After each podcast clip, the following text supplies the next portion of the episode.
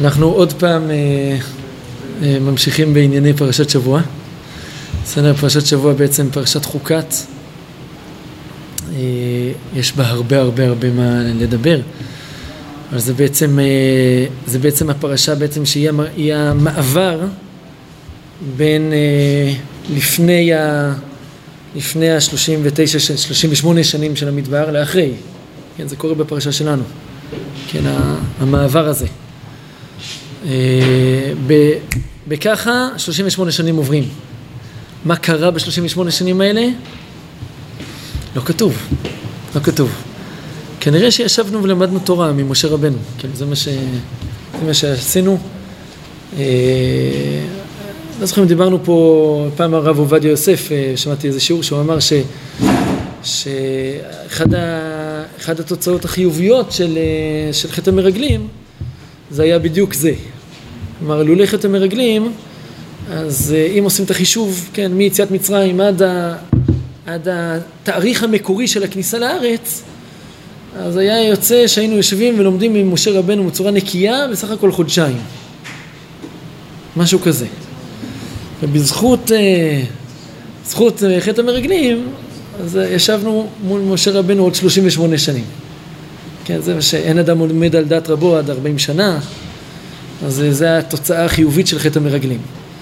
בכל אופן, אנחנו עכשיו בעצם מדברים כבר 38 שנים אחרי חטא המרגלים. אנחנו מדברים, הנושא שלנו זה בעצם חטא, החטא ש, של משה ואהרון שבגללו הם לא נכנסו לארץ. וזה כמובן מעלה תהייה גדולה. מה, מה כבר הם עשו? מה כבר הם עשו? כאילו, אה, ועונש כל כך חמור של לא, לא להיכנס לארץ ישראל על דבר כזה.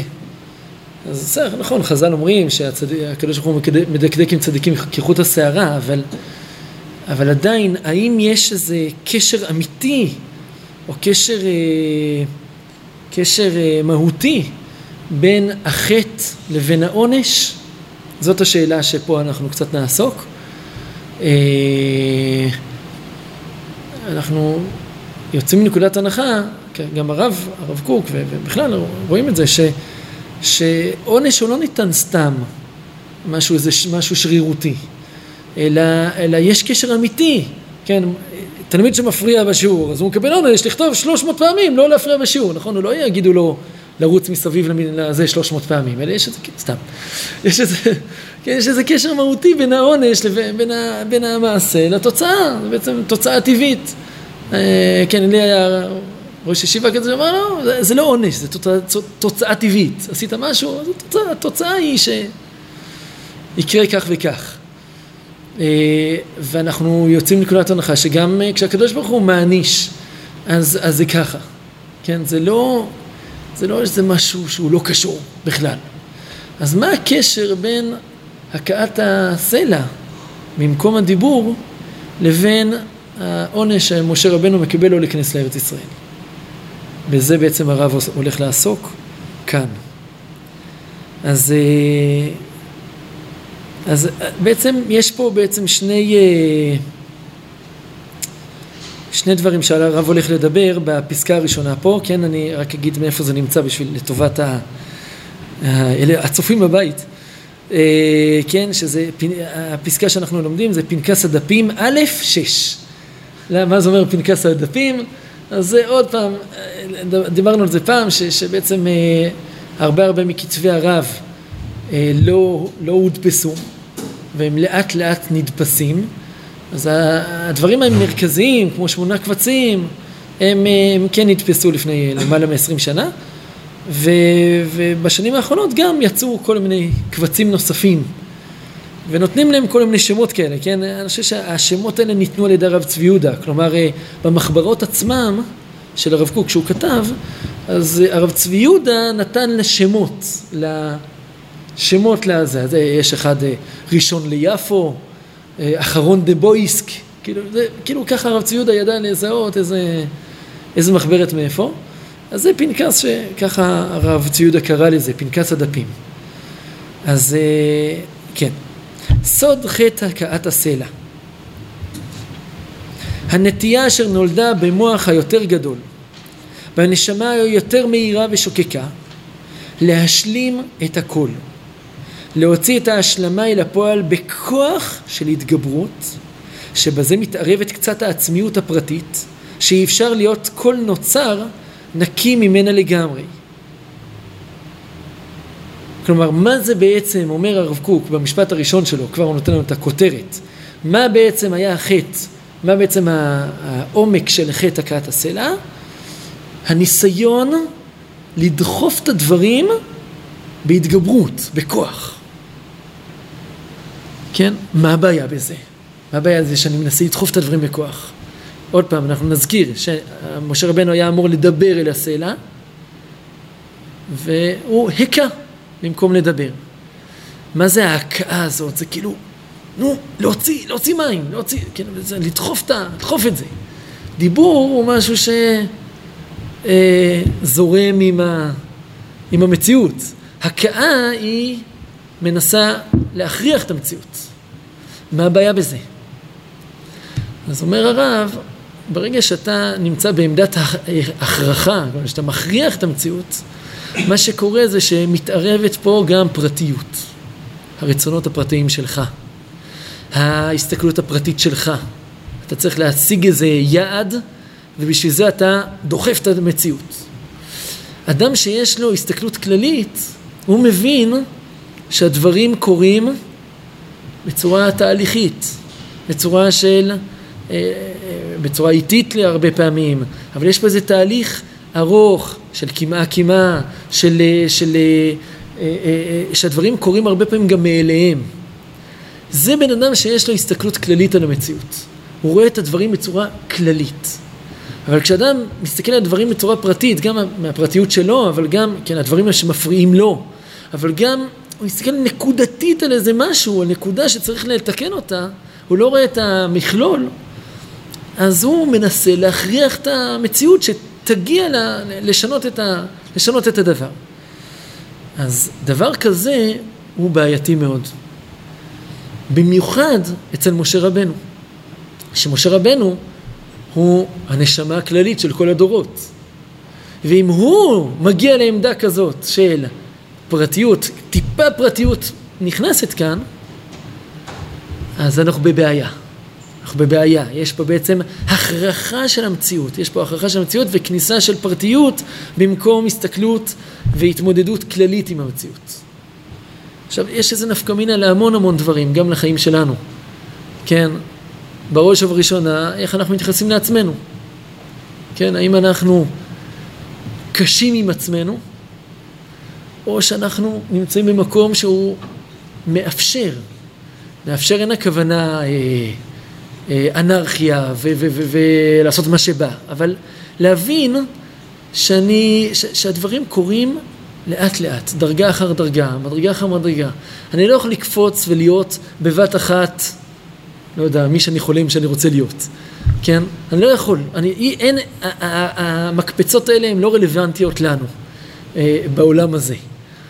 אה, לפעמים יש איזו מתנה משמיים שהקדוש ברוך הוא מעבר בך נשבע צדיק, בסדר, אבל, אבל זה, זה לא, זה לא האבוידה שלנו.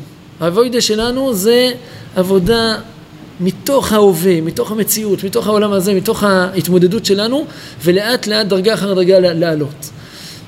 ולכן, וצריך לקבל את זה. צריך לקבל את זה וגם להיות במקום נוח מול המקום הזה. וזה שאני עדיין לא מה שאני זה, זה בסדר, בנחת, הכל בסדר, תרגיע. וזה כמובן בא לידי ביטוי גם, יש לזה נפקא מינה כמובן לזוגיות שלנו. היחסים הבין, הזוגיים שלנו עם האישה שלנו, איך, איך אנחנו מתמודדים מול כל מיני דברים, ו, ומול הילדים שלנו. זה, שם זה הכי בולט, כן? שאם הילד שלי לא עשה משהו שאמרתי לו לעשות, אז, אז אני מכה, סתם, חס ושלום. אבל כאילו אני, אני מנסה להכריח, מנסה להכריח.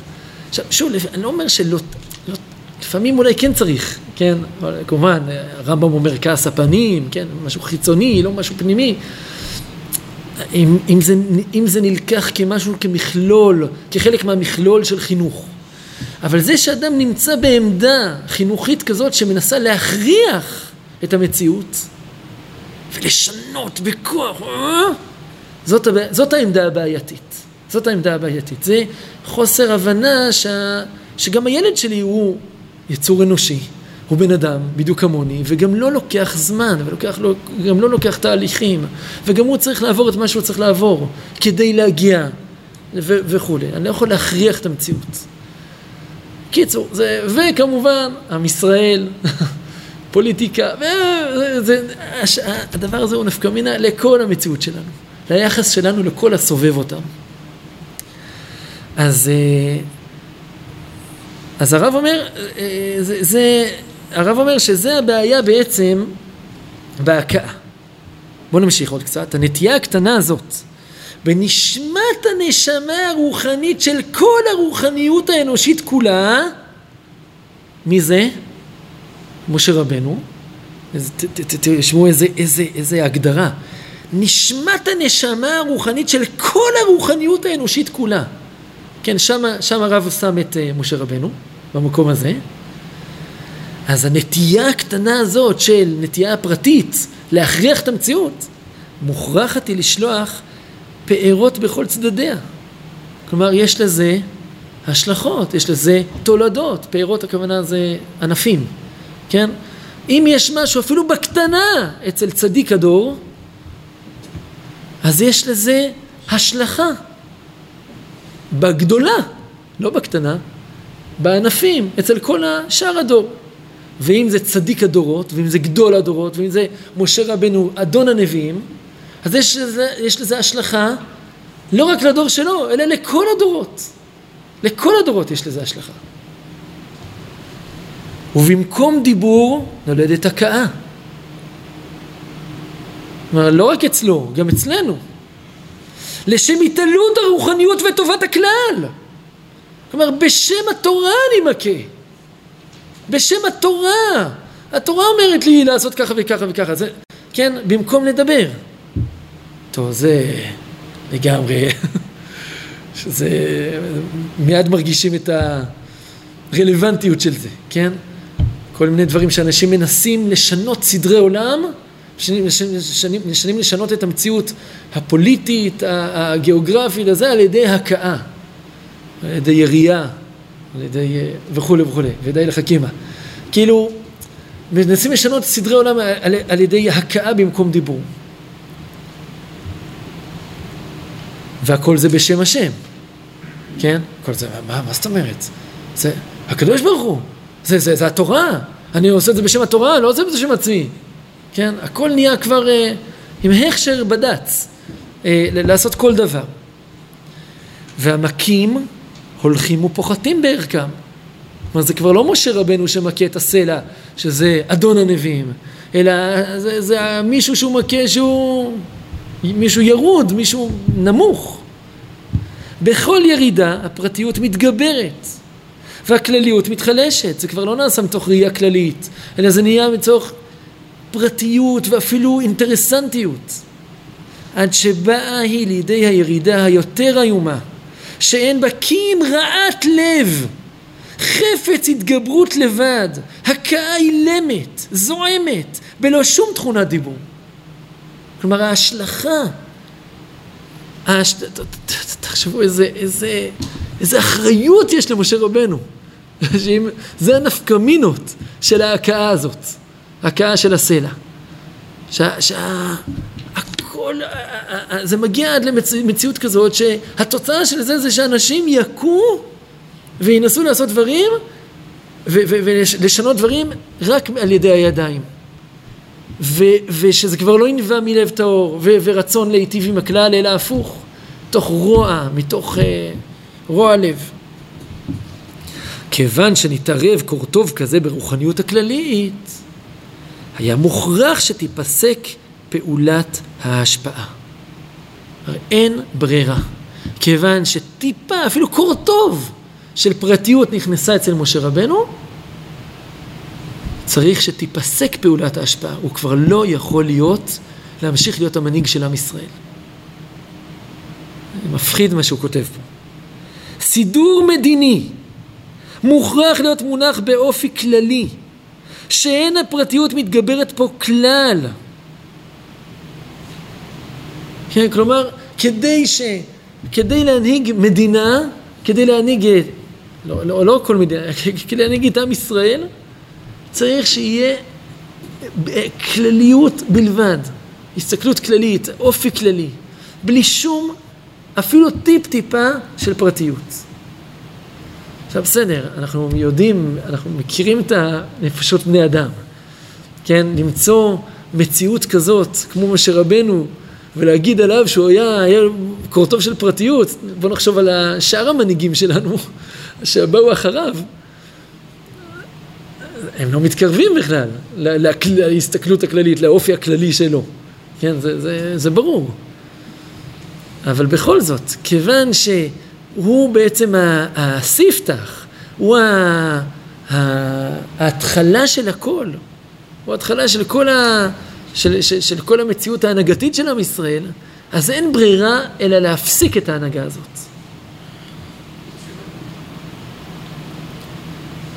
אה,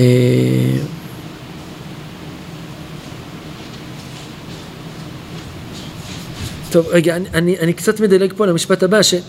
אה, זאת אומרת, ברגע, ברגע ש... ברור שברגע שמשה רבנו עוזב את ההנהגה, ובמקומו מניע יהושע בן נון. משה מת, יהושע מכניס, אז אוטומטית גם משהו מהאופי ההנהגתי משתנה. כלומר, זה כבר לא משה רבנו. משה רבנו, גדול הנביאים, כמו שהוא תיאר, כן, נשמת הנשמה של הרוחני, הרוחנית של כל הרוחני. זה כבר משהו אחר. זה כבר יהושע בן נון, יהושע בן נון הוא כבר סיפור אחר. זה כבר לא האופי, כן, הרב קוק קורא לזה, כבר לא האופי הכביר, העצום, הענק, שאין לנו אפילו נגיעה בו.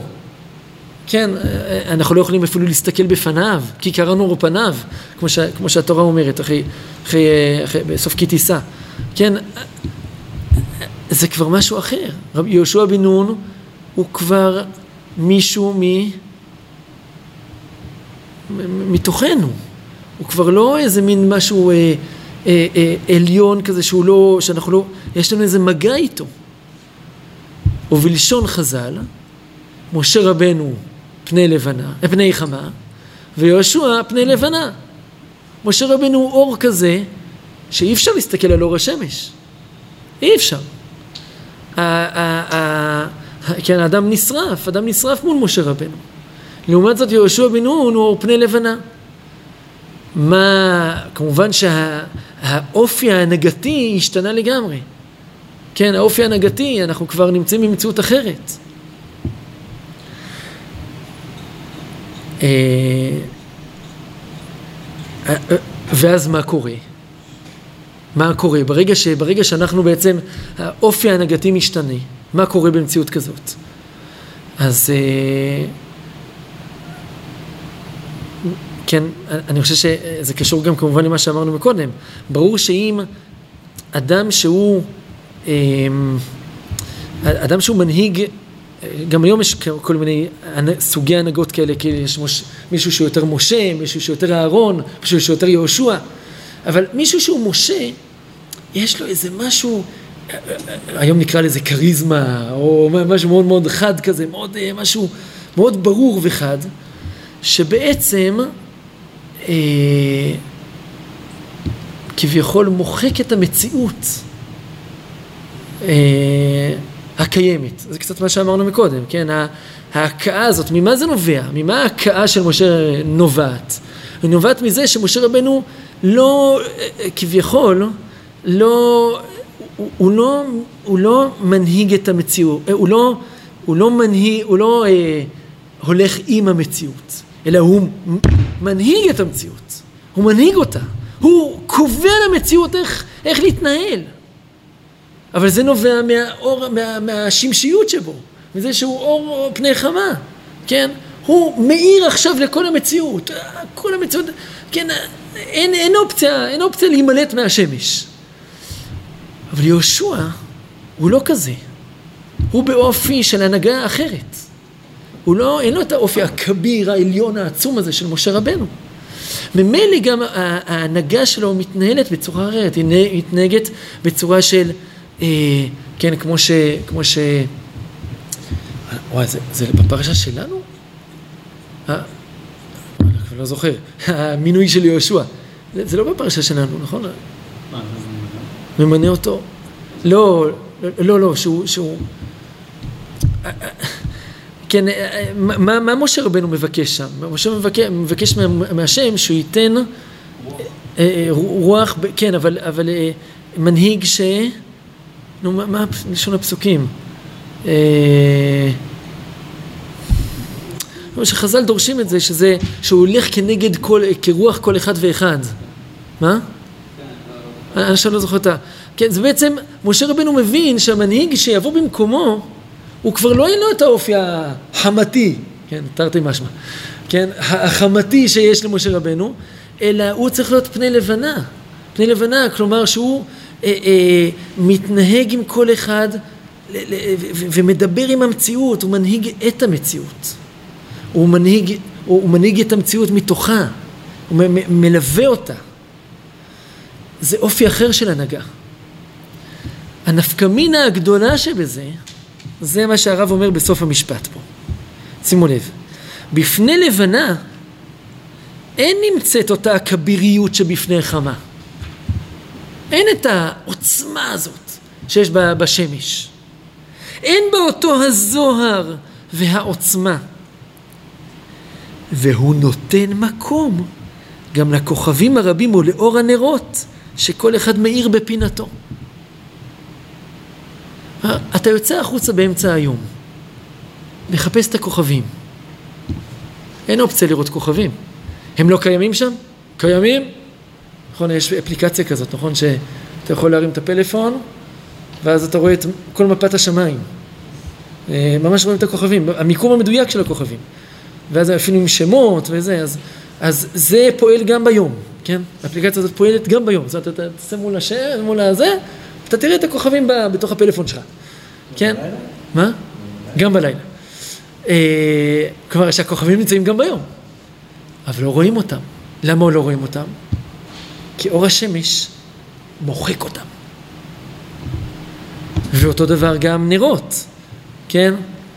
אה, אה, נו, איך חז"ל אומרים? נו, אה, שרגא בתיארא מעייני. נר ב- ביום הוא לא מועיל שום דבר, לכן עושים בדיקת חמץ בלילה. כי נר ביום זה לא מועיל. אז, אז אה, למה? כי, כי מה, נר קטן שכזה, מה, מה הוא מול האור העצום של השמש? אבל ברגע שנהיה לילה, ברגע שיש לבנה, כן, יש את, ה, את הירח, פתאום, וואו, יש כוכבים, יש נרות, יש... כלומר, גם לאנשים הקטנים יש מקום. בהנהגה של המדבר אין מקום ל, לפרט, לאנשים הפרטיים בעם ישראל. יש את משה, הוא מאיר את הכל, עושה כאילו. הכל בטל מלפניו. כשנכנסים לארץ ישראל עם יהושע, פתאום אתה מגלה, וואו, איזה כוכב, איזה נר, איזה כוכב, פתאום איזה, פתאום הכל נהיה, פתאום עוד עוד בדם, פתאום יש לכל אחד מקום במציאות. כי יהושע נותן מקום, נותן, מאפשר. זה גם ההבדל בכלל, באופן כללי, בין ההנהגה של חוץ לארץ לבין ההנהגה של ארץ ישראל. ההנהגה של חוץ לארץ היא הנהגה של, של כזאת. יש דווקא מנה גם לעניין חינוך, כן? החינוך של חוץ לארץ היה שונה מאוד מאוד מהחינוך של, שלנו בארץ ישראל. אבל באמת, בחוץ לארץ יש, היו מאורות ענקיים. גדולי ישראל בכל הדורות, הרמב"ם, הרמב"ן, וזה, אבל האנשים הפשוטים, הפרטיים, בסדר, בסדר, הם חיו, יהודים אה, קם בבוקר, מניח תפילין, אה, עובד, מתפלל, אבל מהגדולים, מה... מה קורה ברגע שנכנסים לארץ ישראל? עכשיו, נדבר עכשיו, כן, על המאה השנה האחרונות, על 200 שנה האחרונות. קצת מהכביריות, מהאור הגדול של הגדולי ישראל האלה שדיברנו עליהם כל הדורות, יורד. אבל פתאום אתה שם לב שלכל אחד מאיתנו יש מקום. מקום אמיתי. מגלים לנו שאנחנו באמת חידוש כל אחד ואחד מאיתנו הוא חידוש שלא היה כמותו מעולם. כל אחד ואחד מאיתנו יש לו חידוש בעולם, הוא, הוא, הוא, הוא מביא, מביא גוון ו, ו, ואור שלא היה מעולם ולא יהיה לעולם. אבל זה מתגלה רק בארץ ישראל. זה ההנהגה של ארץ ישראל, שהיא הנהגה מאפשרת.